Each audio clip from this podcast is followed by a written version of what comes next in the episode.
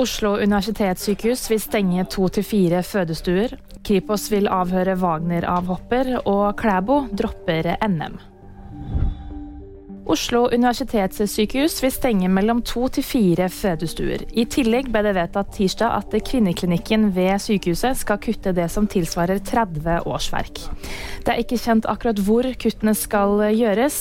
Tirsdag gjentok helseminister Ingvild Kjerkol at sykehusene må stramme inn i 2023. Tillitsvalgt for Den norske jordmorforeningen Kristin Bøhn kaller vedtaket en tragedie. Kripos vil avhøre Wagner-avhopperen Andrej Medjev. Det skriver politiet i en pressemelding. Russeren har selv fortalt at han var med i den russiske Wagner-gruppen, som er et privat militært selskap med leiesoldater.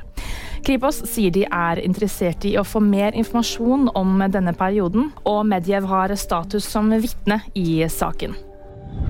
Johannes Høstflot Klæbo dropper NM på Gjøvik. 26-åringen trenger mer tid til å hente seg inn etter Tour de Ski, og skriver i en pressemelding at han beklager.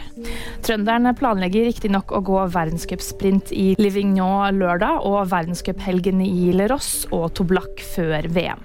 VG-nyhetene fikk du av meg, Anna Julie Bergesen.